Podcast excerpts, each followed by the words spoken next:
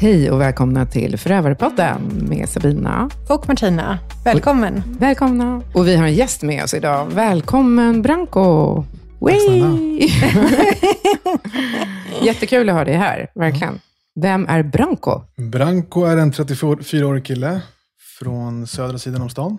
Gillar handboll, Mm. sporta, Men du gillar väl inte bara handboll? Alltså så här, gillar? Älskar. Du älskar, Älskar, precis. älskar. Hållit på med det sedan jag var sex. Eh, Så det är väl en passion i livet. Ja, och du har ju liksom spelat på elitnivå. Mm, stämmer, stämmer. I, eh, nere i Halmstad. Wow. Och hur var det? Det var en eh, historia för sig. Det var ett skutt från att ha spelat division 1 till eh, elitserien. Så det var ju speciellt på alla sätt och vis. Få skriva autografer och... eh, Nej, är det sant? Ja. Men det är som wow. dig och mig, Martina. Vi har också så här, fått skriva Det var inte så ofta, ska tilläggas. Det var inte så ofta, men när det väl hände så var man Ja. lite paff. Nej, är det Ja, sant? Och hur ja. länge varade det? Där nere var jag i ett år. Ja. eh, Och sen flyttade jag hem då. eh, På grund av lite familjeomständigheter. Mm, Okej. Men vad kul att ha varit med om det. Absolut. Wow, vilken grej. Men du spelar fortfarande? Eh, till och från. Till och från. Jag försöker hålla igång, eh, men inte lika aktivt som förut. Nu har man ju barn, och, så det, man hinner inte så mycket. Men, när, men när du sportar, Mm. eh, så här, rent som ditt fritidsintresse, Mm. är det då handbollen som du väljer? Eller är det någon... Ja, men handboll är ju så svårt för då måste man ju ha ett lag. Man måste liksom vara helst någon hall man kan spela. Men det är Eh, inte som korpen-fotboll? Att man bara... Eller? Det finns ju korpen handboll också, Ja. men det behöver ju vara i alla fall minimum sju pers som kommer ner för att fylla laget. Liksom, Och du spela har inte planen. Nej, men då måste man vara en... Jo, som, vill, som vill spela handboll. alla älskar de, inte handboll. Nej, de spelar paddel. typ. Eller? Alla spelar paddel. Och du bara, nej, förutom jag. du. Ja. Mm. Jag har aldrig provat faktiskt. Nej. Så jag har gått över på tennis. Mhm. Eh, Ah. Det gillar jag. Okej.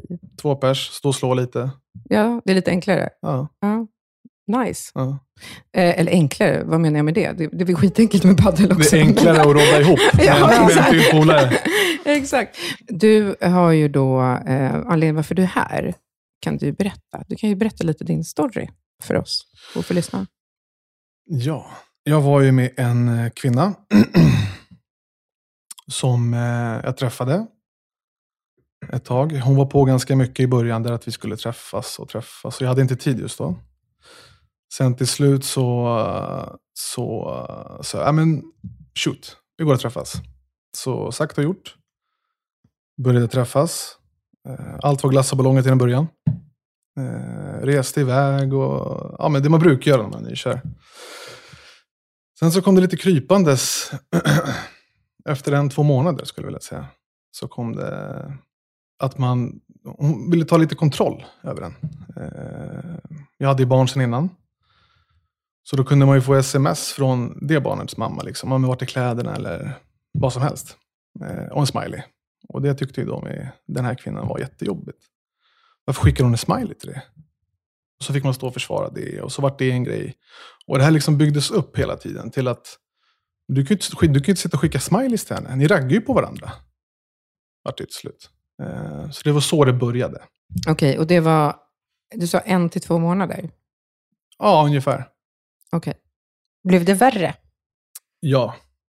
Det här var en början eh, med de grejerna. Men sen så fortsatte det med, efter två månader tror jag att det var, så uh, började hon slåss. Mitt i ett argument.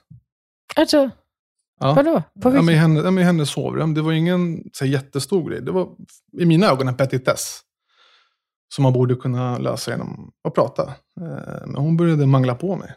Och jag vart helt chockad. Och bara, men vad gör du för någonting? Ja, men förlåt, förlåt, förlåt. Så sa jag här, jag kommer inte slå tillbaka, men det här är inte okej.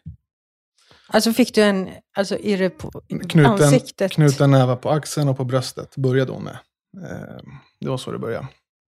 Och sen så sa jag, men det här, det här får inte hända igen. Och, hej och. Men sen så gick ju tiden och så hände det igen och igen och igen. Och då var det så att hon, eh, var det hon som skapade de här bråken, eller hittade hon bara på saker att bråka om? Ibland kändes det som att det var hon. Alltså som att jag upplevde det som att vi inte hade något problem alls. Mm. Men hon kunde liksom börja tjafsa med blomkruka. Eller vad som helst. Och det är, inget, det är inget fel med det, men liksom vad det blev, det blev en höna av en fjäder. Alltså det kunde bli så stort så att man till slut mådde så illa. Eh, när man, alltså senare i tiden. Mm. Att man sprang iväg från lägenheten, man eh, ville inte gå hem, kände en oro i magen när man skulle stoppa in nyckeln, ja men du vet, in i dörrlås, skulle liksom komma hem till ens trygga punkt. Eh, så det kom ju till den punkten till slut att all, all det här våldet eh, gjorde att man kände sig så jäkla nere. Flyttade hon in till dig? Ni, eller flyttade du in till Vi henne? bodde i särbos Ja, till en början. Sen så flyttade vi ihop, jag flyttade till henne. okej. Eh, och våra två barn, eh, Sen tidigare? ja, Mm. fick ju komma in i en ny konstellation, bonusfamiljen, klassikern. Eh, och där, ja, det funkade in bra till en början. Gjorde det. Eh, Men du var ju väldigt kär i henne. ja, Ja. det måste jag säga. Alltså jag, var Ja. jätte, jag har inte varit kär så jätteofta i mitt liv, nästan aldrig skulle jag vilja säga. Men här var det att jag föll pladask, kan man säga. Vad var det som gjorde att du föll pladask? Frågar du mig nu som du gör? Eller Mm. för, förut hade jag kanske sagt andra, men nu är det nog att hon eh, visste vad hon skulle säga, hur hon skulle bete sig, var väldigt omhändertagande och dra upp energin. Man mådde ju jättebra. Men det visade ju sen att det visade sig att det inte var riktiga ord, att hon inte menade dem, utan det var ju mest ett spel. En fasad. För att lura in mig i någonting. Eh, där jag var på rosa moln och sen bara boom, ner igen. Och så byggde hon upp en och så ner igen. Men det var att hon var omtänksam, hon eh, rolig, hon hängde på på det mesta, spontan. Sånt som man vill liksom ha i ett förhållande. I alla fall om du frågar mig. Så det var hon till en början. Så ni var bra vänner också? Så kunde skratta ihop och... Ja, men det kunde vi. Prat, vi, vi satt ju inte tysta, vi hade alltid någonting att prata om. Alltid. Så det var ju någonting som också, också värdesatte ganska mycket. Att kunna sitta och, det intellektuella, eh, kunna prata med någon eh, på kvällskvisten. Men när hon blev fysisk mot dig, vad hände? vad- var din reaktion och hur, hur var din respons eh, gentemot henne? Vad sa du till henne? Men den första gången så var jag så här, okej hon blev arg. Det kan hända alla. Och liksom förträngde lite grann. Så hände det igen någon vecka efter och då sa jag så här, du måste söka hjälp. Så vi gick och sökte hjälp hos en terapeut. Och där vi berättade om det här. Eh, och vi var där en gång, ska tilläggas. För hon tyckte att hon inte behövde gå dit mer sen efter det. och- ja, det Mm. vet vi ju. Ja, vi känner igen det här. Ja. Ja, så vi kom ju hem efter den, jag minns så väl den dagen. så kom vi hem till henne, eller till oss då. Och så, eh, så frågade jag så här, men hur tyckte du att det gick? Jo, det var väl bra. Jättekort. Ja, okej, vad var det som var bra? Ja, men det hon sa. Ja, okej. Inget mer med det. Jag tänkte det var jättekonstigt. Jag skulle kunna sitta och utvärdera terapitiden lite längre. Liksom. Men där var det så jättekort. Eh, För du hade berättat då för terapeuten vad som försiggick. Ja, vi sökte ju hjälp för hennes aggressioner kan man säga. Hon var med på det. Hon, bara, hon tyckte så här, ja, Ja. absolut. En gång. Ja, ja precis. Ja. Ja. men, ja. Det var ju snällt. Ja, kanske, eller hur? Ja. Jag, jag fick ju honom fyra gånger. ja. Så, så det var ju så vi sökte hjälp. Och det här var ju alltså i början, så hon ville väl kanske Mm. visa framfötterna att Mm. men det är klart att jag går på terapi med dig för mina problem och Mm. hela den här fasaden. Men det är bara ett spel. Ja, men jag märkte ju sen, sen men ska vi inte gå igen? Liksom, sen, Nej, men jag ska tänka på det aktivt nu. Mm. Vart det så. Mm. Men det fortsatte ju under hela relationen kan man säga. Eh, Men hon Att hon var att det, fysisk? mm. men hon tyckte också att det, var, eh, att det var bra att hon skulle tänka på det här. Men, men, Om hon på riktigt, Ja, så tror jag inte. nej, nej, men, nej. Men, det var det hon sa. Ja, och det är där man själv liksom så gick in i det. Bara, men gud, hon menar verkligen det. Och nu den här gången kommer hon ta åt sig. Och så bara händer det igen, och igen, och igen, och igen. Och det är där jag tror att det är så lätt att skuldbelägga sig själv. Med facit i hand, bara, varför gick jag på de här gångerna? Så, tio gånger när hon sa att den här gången, nu, nu ska jag bättra mig. Nu har jag blivit en bättre människa. Den gick man ju på. När hon hade varit fysisk mot dig, ehm, hur, precis som Martina frågade, alltså, hur reagerade hon efteråt? Alltså, hur reagerade du? Hur, vad hände? Var hon ångerfull eller började hon beskylla dig för att det var ditt fel att hon hade blivit fysisk? Både och. Hon kunde Mm. köra blame shifting eh, ganska ofta. Eh, där man själv började ifrågasätta sig själv. Och det här var jättejobbigt tyckte jag. För mina tidigare relationer innan henne var ju liksom... Eh, eh, där kunde man ta problemen till bordet och prata. Men så fort jag märkte att hon gick upp i varv så fick jag en in, inre liksom, stresspåslag. Så hon började ju liksom köra blame shifting. Eh, ibland kunde hon visa ånger, men väldigt sällan. Väldigt, väldigt sällan. Det var nästan så att många, 90% av, av gångerna skulle jag vilja säga, var det jag som fick gå till henne. Bara, men du, ska vi, ska vi lägga de här grejerna på, på is? Eller så här, eh, ja, Ska vi men prata då, om Men det då får du be om ursäkt, sa hon till mig. Ja, Mm. Okej, och då gjorde man ju det bara för att få sig lugn och ro den kvällen. Men sen så börjar man ju fatta att det här är ju vardag för mig. Alltså det händer ju varje dag. Så du är ju där och går in igen och bara, ska vi, ska vi prata om det här? Ja, be om ursäkt först. Typ så. Och det levde man ju i liksom eh, ett väldigt bra tag. Gjorde man. Det var fruktansvärt för dig. Ja, men alltså. Som en fånge i sitt egna hem. Eller så kallade hem. För Mm. varje gång hon gjorde det här så, så kände jag mig... Jag kunde inte navigera i det här kaoset. Men det kändes som att hon var expert på att navigera i kaos. Alltså Det navigera. var då hon var som mest Som hemma i bäst. sin egen Som- kostym. ja. Det är så de funkar. De, de är som mest varma ja. då. I sin det- egen kostym. De känns som mest hemma. Och jag, Mm. liksom, det där förstod jag aldrig. För att jag kände mig så, så här, Pulsen var på 150. Vad är det som händer? Hon slåss, hon skriker, dundrar i dörrar. Allt sånt som jag aldrig har varit med om hände med henne. Och hon var helt lugn. Och en annan liksom bara, uh, nästan får error i hjärnan. Vad är det som händer? Så hon var ju jätte, jättebra på att navigera i, i, eh, i allt kaos. Eller för henne kanske inte var kaos. Men Hur var det mellan de här gångerna? Eh, mellan, alltså, mellan de här våldsutbrotten? Mm. Ja, er vardag. Liksom, ni gick till jobbet, ni hade barnen. Och... Ja, eh, precis. Vi gick till jobbet, hade barnen. Hade de samma vecka, så det var ju ganska skönt. Så hitta på grejer med dem. Och även där så kunde hon ju lyfta upp en två, tre dagar. Allt kändes toppen. Eh, och så kom den fjärde dag. Samma sak igen. Samma utbrott. Var det inte fysiskt så var det psykiskt. Vad kunde hon säga till dig? Nej, men ah, oj. Jävla idiot, du fattar ingenting. Du är... Och massa, massa, massa, massa värre saker. Eh, alltså direkta påhopp. Och tiden från att hon blir arg till själva personangreppen var väldigt, väldigt kort. Eh, vanligtvis kan jag tänka mig. Så jag har jobbat i, som dörrvakt förut. Och då har man ju stött på människor. Man har sett hur folk beter sig. Och ofta så tar det en liten stund innan folk börjar häva ur sig personangrepp. Men för henne var det väldigt, väldigt, alltså fem sekunder, sen börjar det liksom. De grövsta angreppen du kan tänka dig. Och för mig var det ju så här, och då försöker man konstruktivt så här, men du ska vi ta ner det här, ska vi prata konstruktivt? Nej, du kan dra åt helvete eller vad det nu kan vara. Så det blir ju som en vägg som man pratar med, man kommer inte fram. Vad gjorde du då? Stod du kvar eller drog du hemifrån? Eller försökte du trösta, Uh, trösta henne? Många gånger så sov jag i bilen. Tog in på hotell. Ibland vart jag utslängd av henne.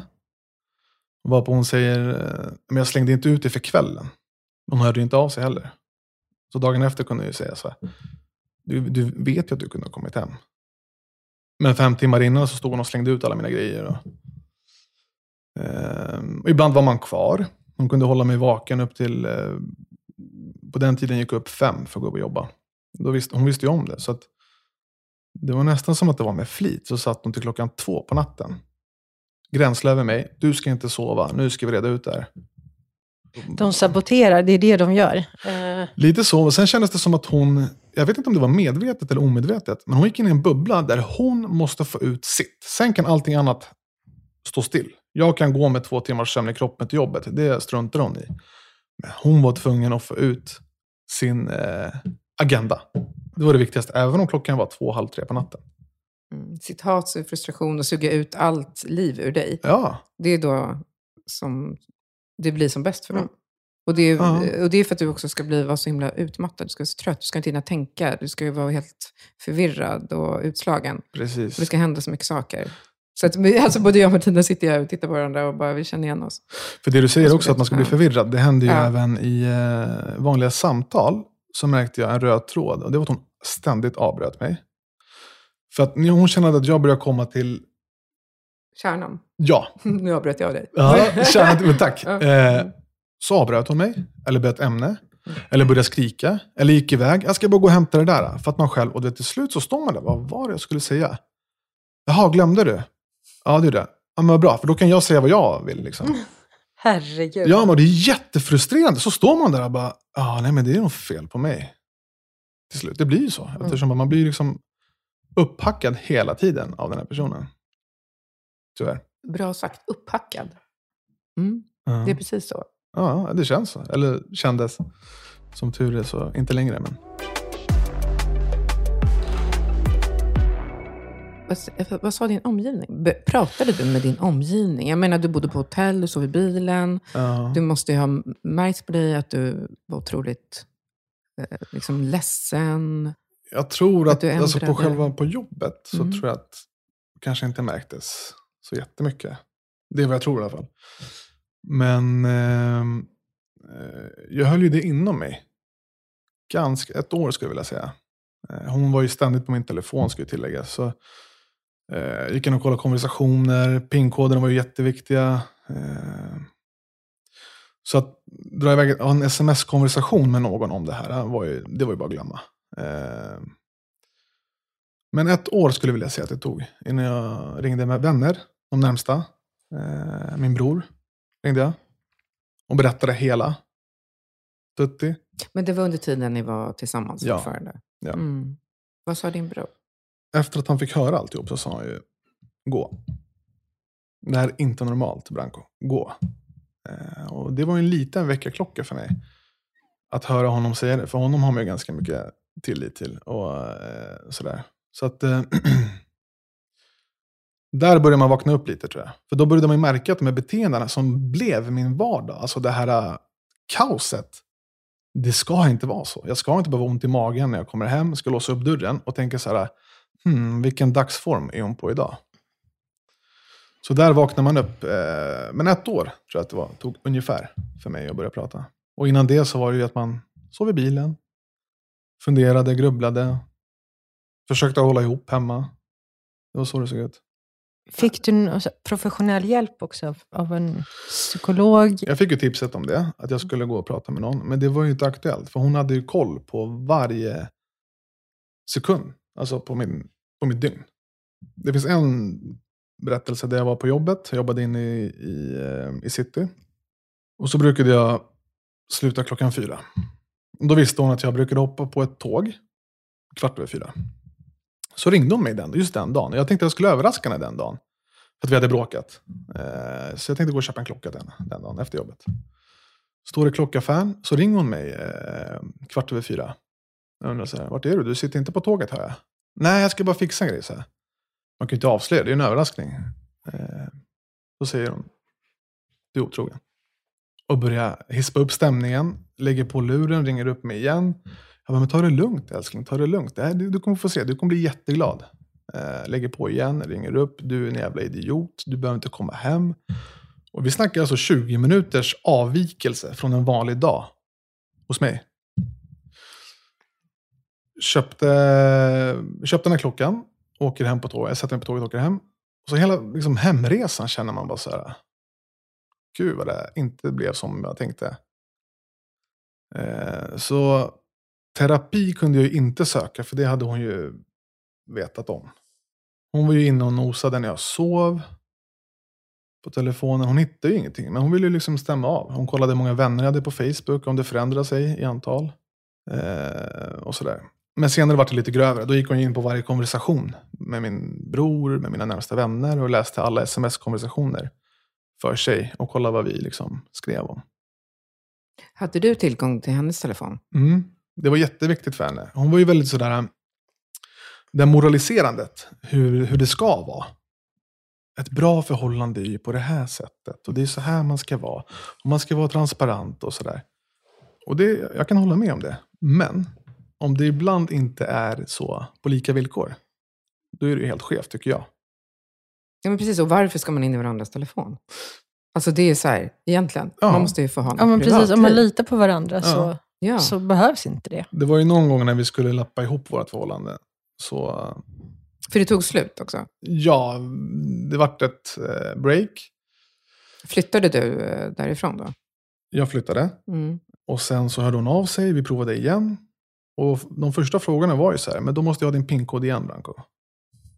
Och då sa jag så här, men du, ska vi inte prova utan? För förra gången vi hade varandras pinkod så funkade det inte. Nej, nej, då kan vi lika gärna göra slut på en gång. Och jag, det var ju några dagar där som det var utan pinkod. Och då tog hon ju mitt, mitt finger i sömnen. Telefonen. Alltså, Det här är grovt.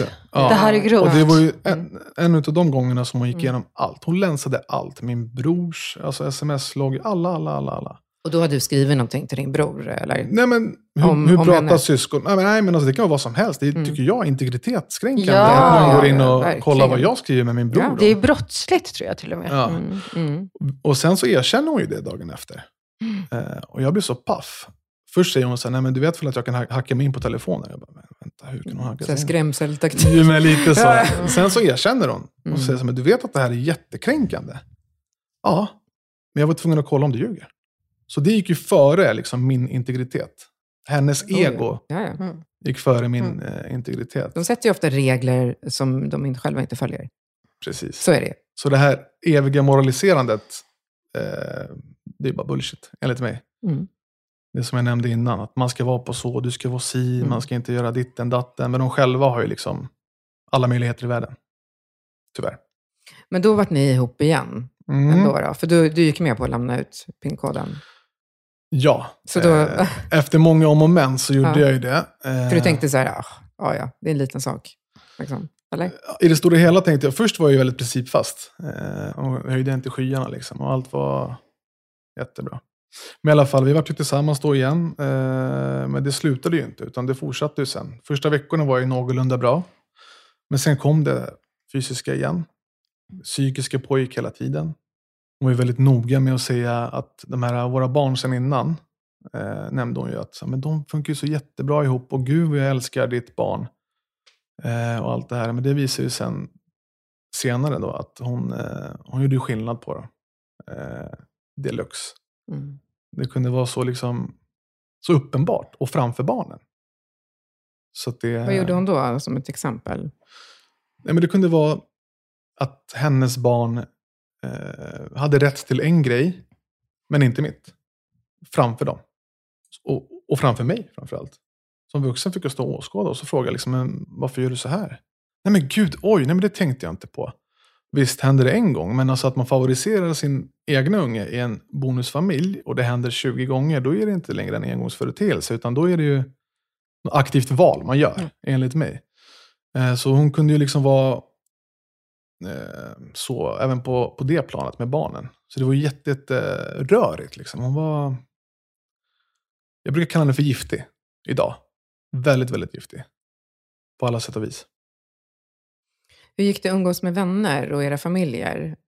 Kunde de märka någonting på dig eller på henne? Eller på barnen? Inte på hennes familj. Eh, tror jag inte, vad jag vet. Eh, vi var ju ofta hos, hos min familj. De bodde närmare. Men det kunde ju märkas ibland eh, på mig. Att jag inte mådde bra. Men hon själv var ju väldigt, väldigt glad. Och, alltså framför min mor och framför min eh, far och bror. Och, det var liksom, hon var den bästa tjejen utåt. Men det var som att hon liksom tog av sig masken när vi kom hem sen. Exakt. Så, så med familj och vänner så var det ju, så var det ju väldigt sådär påklistrat. Jättepåklistrat.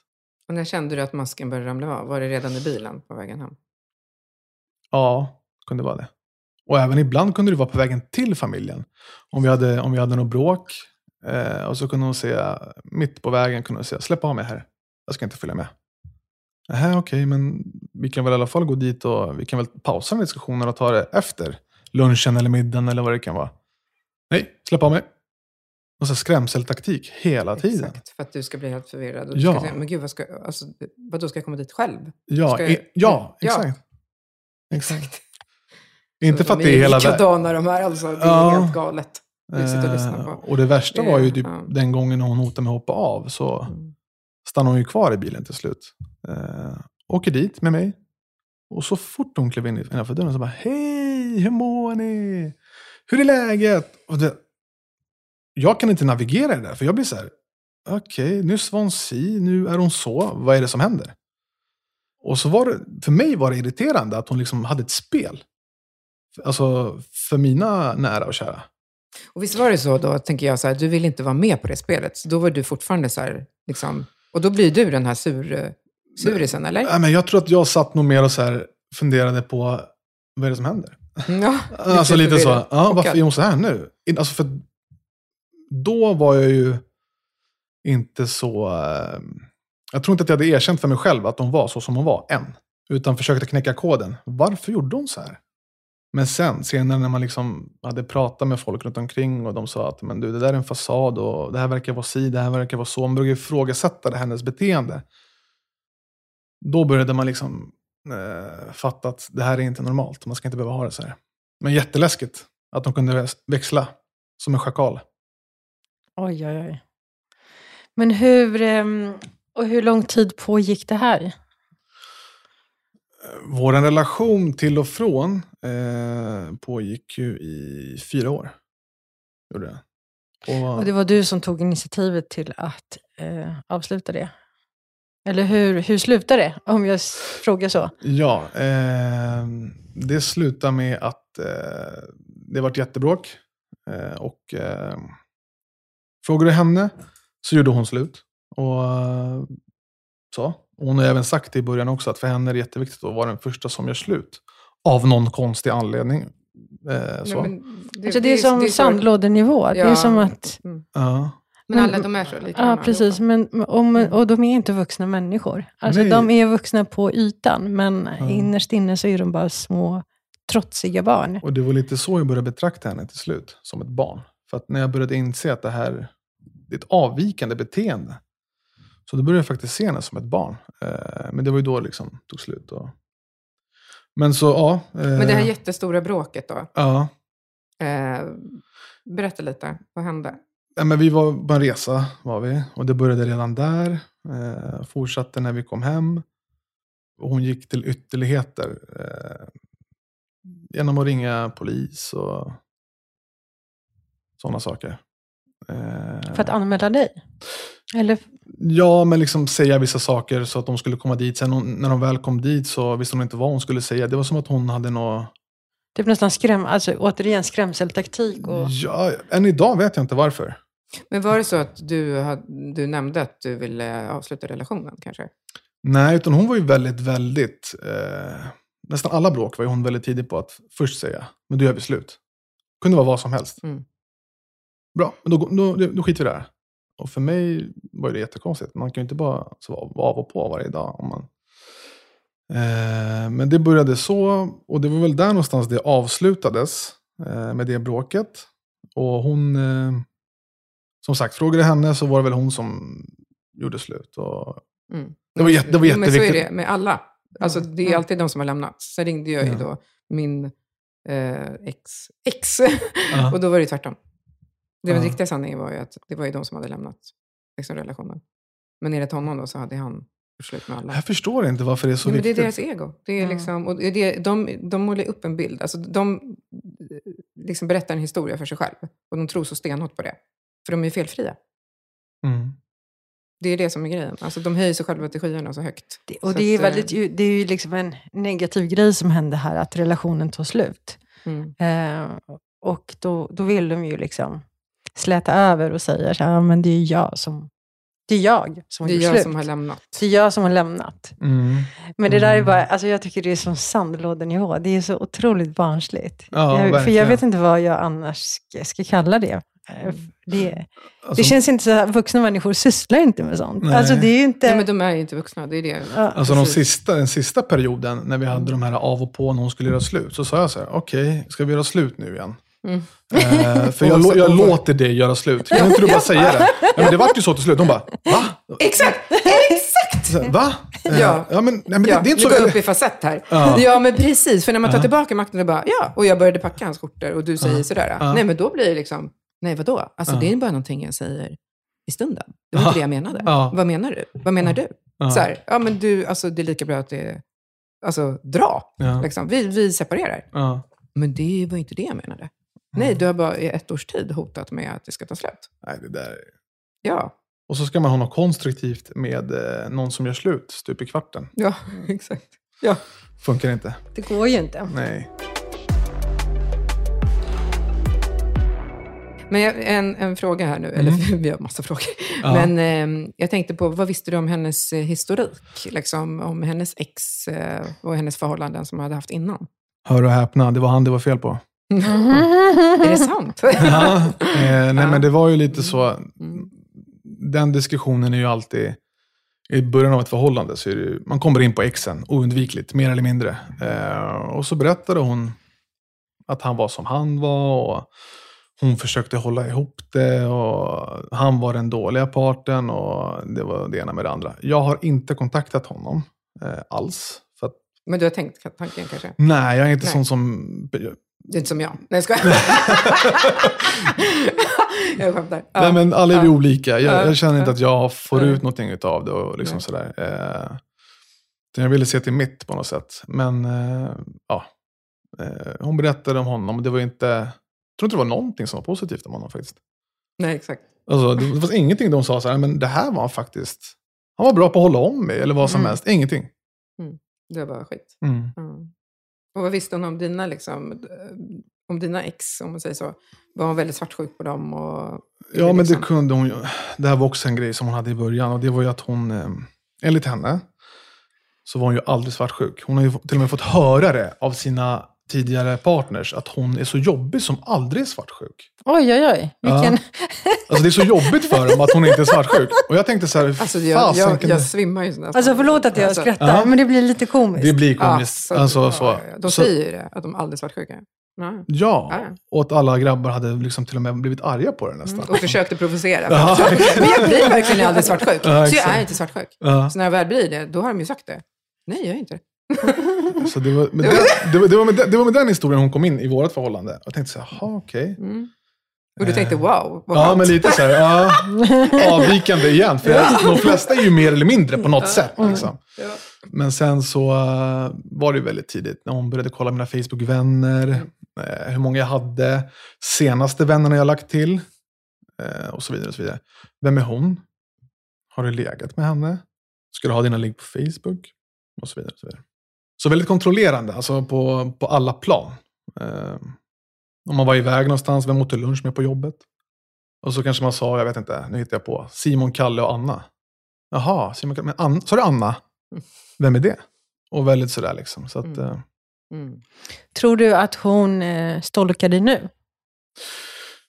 faktiskt ingenting jag, eh, jag har funderat över. För att jag försöker fortfarande bara lägga all energi på mig själv.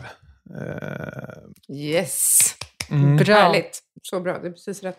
Men om hon gör det eller inte, det känner jag lite mer hennes problem Mm. än mitt. Eh, men i dagens läge så...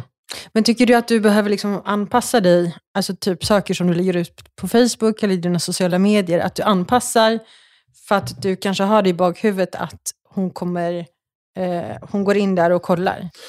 Alltså jag har ju blockat henne från alla Okej. sociala medier. Men sen har ju hon alltid vänner som har vänner som har vänner. Mm, som, mm. Men jag har ju försökt att ta alla inställningar som går till att Mm. man inte ska kunna se eh, det man lägger upp. Eh, men hon har ju gjort så förut, när vi hade breaks, breakupsen.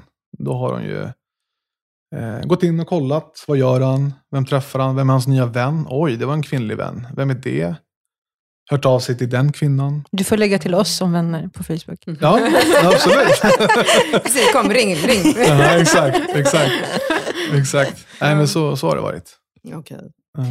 Men det blev ett jättestort bråk i Ja. alla fall. Och Ja. sen, eh, vad hände efter bråket? Polisen kom och... Eh, Polisen kom.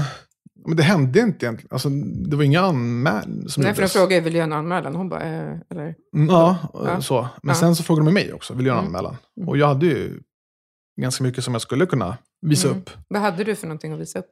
Jag har ganska mycket inspelat. Ja, precis. Eh, Mhm. jag, har, eh, jag har både ljud och, och, och bild. Har jag. Okej. När började du spela in henne? Eh, vad kan det ha varit? Det är det här som är så synd på ett sätt. För att jag gick ju så lång tid och trodde att det var engångsföreteelser. Och varje gång tänkte jag, det kommer inte hända igen, så jag behöver inte dokumentera det. Men till slut så började jag. Så det kanske var, ja, kan det vara? sista året kanske. Ja, men precis. Som jag har eh, inspelat. Ja, och då, då menar du att du behöver inte dokumentera, så du raderade det? Eller? Nej, jag spelade inte ens in då.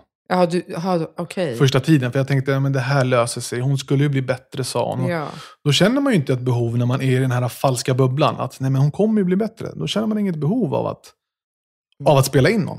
Men Mm. sen blev det ju det att man fick ha den i fickan och diktafonen på. och- Som jag pratar med mig själv här. Ja. Ja, men det är... Som tur är också, Ja. måste jag tillägga, det är att jag har två telefoner. En privat och en, och en jobbtelefon. Så då var det lättare att ha privat, privata Mm, i handen. exakt. Så hon kollade ju alltid vart den var.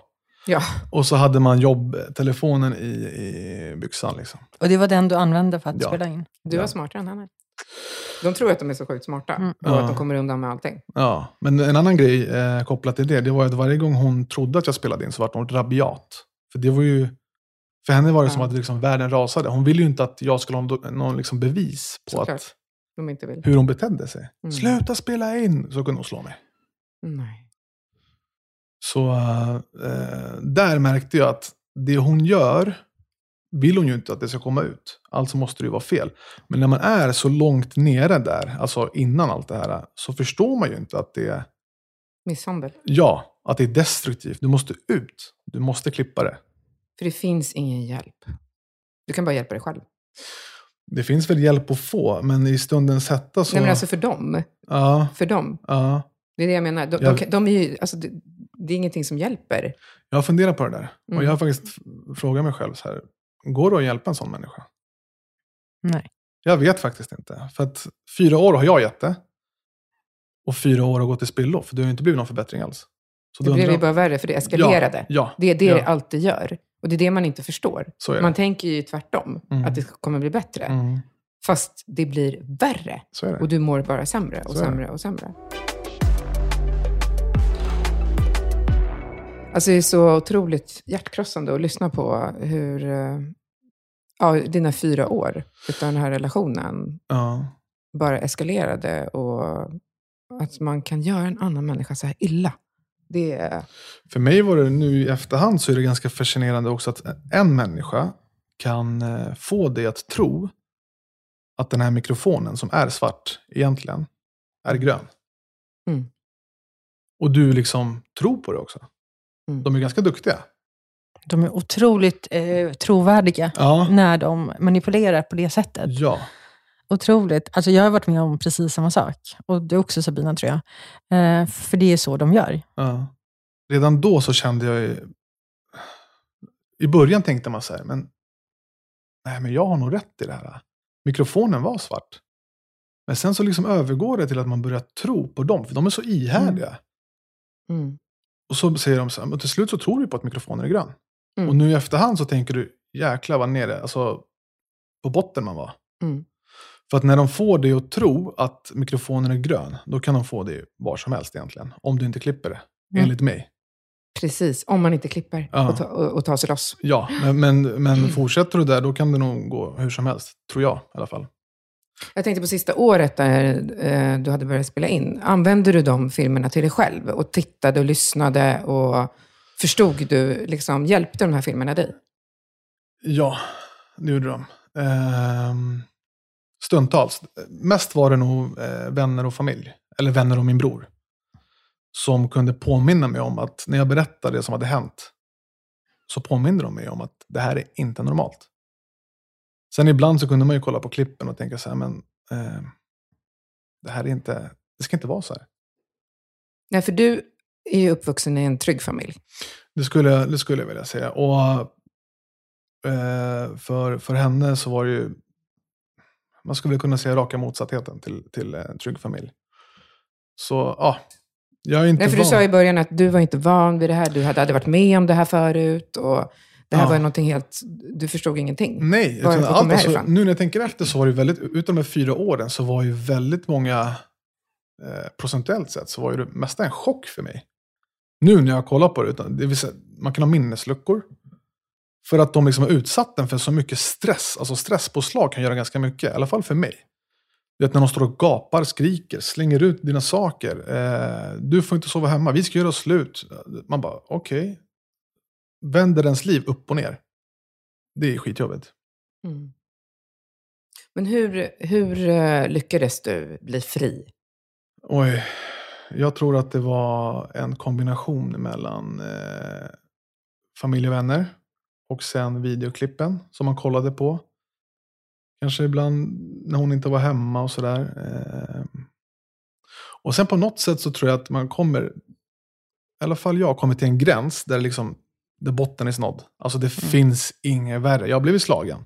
Jag blivit eh, psykiskt misshandlad. Jag har blivit spottad på. Jag har blivit nedvärderad. Så, så tänker man för sig själv till slut, i mitt fall, vad finns det mer jag kan bli utsatt för? Och där någonstans vände det för mig. Att så det kommer inte bli bättre. Det var nog vändningen. Det var en skiftning i dig. Hur kändes den skiftningen? Liksom. befriande på något sätt. Och sen också att man, eh, en tanke som slog mig, och det var så här, vad finns det för positivt jag känner med henne? Och det var inte så mycket. Det är ganska bra, eh, eller ett litet Mm. tips här, att man gör en plus och minuslista. Ja, ja, men det låter ju så här. Det låter ju ja, det lite som en låter klyscha. Lite, lite klyschigt, ja, exakt. Anteckningsblock, penna, Ja, det negativt, inte det. positivt. Nej, det är inte nej, det. Det är nej. så bra, för där ser man ju verkligen så här svart på vitt. Ja, Och så, och så spela in som vi har liksom sagt förut, tidigare i podden. Men att då ser man ju svart på vitt. Vad är det för positivt? ja. Och det behöver inte ens vara anteckningsblock. Om du tycker det är jobbigt, börja bara hjärnan. Kan du komma upp till fem positiva och fem negativa?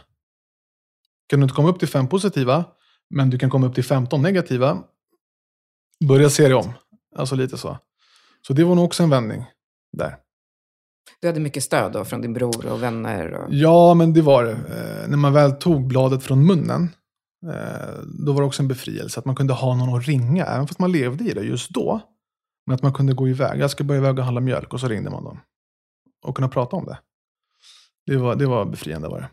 Eh, och sen eh, när man väl hade tagit steget så var det, jag vet inte hur jag ska sätta ord på det, men det var, det var så skönt.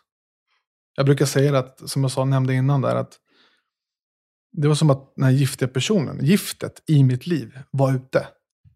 Man behövde inte tänka sig för vad man gör. Varför tittar du på henne? Varför gör du så här? Varför är du fem minuter sen? Varför, vart ska du efter jobbet? Jaha, var du säker på att du bara var och handlade? Allt det slipper du. Och det ska inte finnas i en sund relation. Exakt, det ska inte finnas. Det ska inte vara i närheten. Mm. Så, ja, det var väl lite så. Men hur kände du sen då när du, du flyttade ut? Ja. Ja, och så skaffade du eget. Mm. Hur lång tid tog det innan du verkligen började må bra? När du blev liksom branko igen? Oj. Det tog en stund, men sen... Jag vet inte, jag är väl lite av en sån där gå vidare-kille. Eh, försök att reflektera över det som har hänt, men inte sylta in mig för mycket i det. Eh, utan hitta på andra grejer som, som får dig på andra tankar och sådär. Jag kan än idag tänka på det, men jag är inte där jag var då. Utan jag känner mer och mer att jag blir mer och mer Branko, den som var innan jag träffade henne. Den kommer ju tillbaka mer och mer. Men eh, en drastisk skillnad är det nu i alla fall gentemot den dagen när polisen knackade på. Och det är jätteskönt. Vad härligt att höra. Ja. Hur var, för jag tänker också så här, det är jättetax, vi är jättetacksamma att du är här och pratar om det här, också för att du är man. Mm. För att det är oftast, eh, de erfarenheter som vi har, så är det oftast kvinnor som har blivit utsatta av sina manliga partners. Mm. Så att vi är jättetacksamma för att du är här. Och, hur, och det leder in mig på att fråga dig, så här, hur har du, vad har du fått för reaktioner när du har berättat om det här? Eh, som man, som att bli utsatt för just ett sånt liksom, våld som man. Kul att du frågar, för att det är så varierande. Eh, vissa av de som man har berättat det för har ju varit sådär, men shit, händer det verkligen? Jaha, okej, och vill höra mer och vill liksom vara som en stöttespelare. Men vissa blir, står ju liksom som en fågelholk, alltså tror inte på det man säger. Mm. Och sen också med det i åtanke att jag är inte den minsta killen. Så Nej, blir, precis. Du är 1,90, jobbar som dörrvakt. Jobbade som jobb- dörrvakt. Ja, ja, ja, ja, ja, du Ja. jobbar inte längre. Spelat Jobbade. handboll Spelat Ja, lite som en stereotyp. Ja. Så. Ja. Och det blir ju så, Ja. folk dömer ju en. Tänker, men du kan ju inte ha blivit misshandlad. Sluta nu. Sluta. Så det blir, så det blir liksom så här, och då ska man, för vissa av de här människorna, ska man då försöka överbevisa att man Mm. alltså, de facto har blivit slagen. Mm. Och det kan ju vara lite så enerverande. Eh, Jag förstår det. Vad brukar du göra då i de situationerna? Nej, men ofta så tänker jag så här, okej, nej, men det är inte, jag vinner ingenting på att överbevisa någon eh, att jag har blivit misshandlad. Utan då kan man gå till de som tror på en istället. Alltså sluta lägga energi på de som inte tror. Exakt. Och nu redan efter kan du skicka det här avsnittet. Ja, men Så precis. du exakt, exakt. Du bara, har du en timme? Ja, ja. Nej, men eh, det har varit i alla fall, det har varit någonting som har, i och med ens historia, om man är den store, starke och hej och hå, man är Ja, man. ja. Och det är så tabu att prata om. Men mörkertalet är enormt, tror jag i alla fall. Eller det känns så. Jo, men det är det. Mm. Det är enormt mörkertal. Det vet vi. Det är, vi har pratat med jättemånga, Mm. men det är väldigt få som eh, vill komma ut och sitta här eh, med oss och prata som du gör. Ja, tyvärr faktiskt. Eh, jättesynd, men jag hoppas ju någonstans att folk lyfter bladet från munnen. Och dels för en själva, för det är en sån enorm befrielse att kunna berätta om allting. Alltså för ens eget inre. Eh, men dels också få med andra på tåget, för det här måste ju ut. Det är självklart. Och det är därför vi gör det här. Mm. Det är därför vi gör det här. Har du, fått, eh, har du gått i terapi nu efteråt? Eh, jag har haft några terapisamtal, det har jag haft. Jag har väl inte känt att det har varit så jättegivande, utan det kanske har varit fel typ av terapi jag har sökt. Det har varit väldigt grundläggande frågor. Det har inte varit så mycket in och peta i, i det egentligen. Utan, eh, så jag har varit där några gånger. Har du fått en förståelse av terapeuten? Vad det är du har varit med om? Delvis. Men inte, inte det här som när man pratar med någon som har, själv har varit med om det. Mm. Mm. När jag har lyssnat på era avsnitt exempelvis, Mm. då kände jag igenkänningsfaktorn var på 100. Ja, jag vet Det, att du det, sa kommer, det. Ja. det kommer aldrig en terapeut kunna ge nej, nej. Aldrig i livet. Men speciellt inte, alltså, jag tror att en terapeut kan göra det, för att min kan ju göra det verkligen. Ja. Men det är för att de är, som vi har pratat om förut, liksom, att de är utbildade inom trauma. Ja. För det man är med om är ju trauma. Tack. Det är precis det det är. Och en, det är därför det är så viktigt att man hamnar rätt. Ja. Och att man innan man går dit, Ja. faktiskt, till Ja. alla lyssnare nu, frågar vad är det för utbildning? Vad har du för spetskompetens? Vad är det? Först bara, liksom, och och de kan ju skriva vad som helst på sin hemsida eller liksom säga att nej, men jag vet precis vad narcissister och psykopater är för någonting. Mm. Nej, det kanske de inte alls vet. Mm. Så där ska man ju ställa lite frågor först innan man ens bokar ett samtal. Så att, Men det det är inte, man, man vet ju inte, för att man, man vet ju inte om att man ska ställa dessa frågor, för att man utgår från att bara att den personen har en titel som är psykolog eller terapeut, ja, att, de den är- personen per precis. automatik kan allt sånt. Ja. Men, men så är det ju tyvärr inte. Nej, och det har vi ju i avsnitt tre Mm, med mm, Eva, mm. där hon förklarar att Mm. hennes kollegor, liksom, att hon ja, har fått fightas för det här i Mm. många, många år. Att alla ska förstå vad det här handlar om. Och det du säger Sabina också tror jag är jätteviktigt att, att vara medveten om. Som jag har förstått nu. Det är att det faktiskt är ett trauma. Och att, Absolut. och att man behandlar det som ett sånt. Alltså det är ju inte Det. någonting som, som bara varit där och försvinner. Utan det sätter ju djupa spår. På ett eller annat sätt. Absolut. Och det måste, absolut. tycker jag i alla fall, att man ska vara ärlig mot sig själv. Alltså så här, erkänna det. Det här är någonting stort som har hänt i mitt liv. Mm. Fine, men att man tar hand om det på bästa sätt. Och på sitt sätt. Alla kanske inte funkar med terapi varannan dag. Utan det kan vara någonting annat. Ja, men precis. Och jag tror också att, som du säger, att man ska erkänna för sig själv. Mm. Eh, Och inte kanske när relationen har tagit slut, bara sopa under mattan. För det där kommer ju komma ikapp en sen. Så är det. Det gör det. In, in i nästa relation, man blir osäker, rädd, eller liksom situationer som händer. Eh, man kanske får sömnsvårigheter. Alltså Mm. det kan drabba en fysiskt på olika sätt. Mm. Så att man är medveten om det och att man förstår. Jag hoppas verkligen att, att man inte lägger skulden på sig själv. Ja, jag tror Ja. att det där är... Jag har varit där. Jag har lagt skulden Ja. på mig själv massvis med gånger. Ja. Eh, Men helt rätt. Och du verkar ju så otroligt, otroligt tålmodig, snäll, lugn. Perfekta pojkvännen.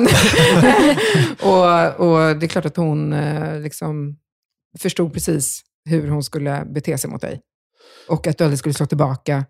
Du skulle inte liksom eh, trycka ner henne, komma med motangrepp. Liksom, och, Men man fick ju höra det. precis. Alltså, det var ju det här Mm. också, att man fick ju höra det konstant. Att man själv gjorde det här mot henne. Och så ifrågasatte man sig själv, men vänta nu, vem var det som startade sista tjafset? Ja, men det var ju hon. S- s- så här, Sa jag någonting dumt? Nej. Och att de liksom så här vänder på hela steken. Eh, men jag tror att du är inne på rätt spår där, att hon såg att, att det kanske inte var eh, det hon haft någon gång. Alltså för hon har ju haft det kaotiskt förut i sina förhållanden. Men hon kanske såg att det var en lugnare person nu. Eller vad det nu kan vara. Och, Precis, de testar ju med... Och det är, där vi, det är där också de här röda flaggorna i början. För det Ja. hon gjorde med Ja. dig, som du berättade, det var efter en eller två månader, så, så började hon ju med din eh, telefon. mm, Ja, smiley där från exet och eh, liksom börja kontrollera lite. Ja. Och där har vi ju stora rö, röda flaggor. Det är inte så det ska gå till. Och där testar ju hon dig, mm, dina gränser. Det är ju precis det de gör. De testar ju så här, eh, som om ni har hört mitt avsnitt, liksom, med den här middagen efter fyra månader och sen båten, händelsen. Eh, det var ju ett slags test liksom, också. Sen så får de ju, de får ju sina flippar, de kan ju inte stoppa det. mm, Men går man vidare efter det, det är då de bara känner så här, yes, nu har jag den här personen På kroken. på kroken. Exakt, exakt. Gud, jag känner igen det där. Och det var ju precis det som du säger, de röda flaggorna som man nu någonstans tänker att det där var ju en röd flagga. Eh, men man märkte ju inte av den på samma sätt när man var i, i stundens hetta. Mm.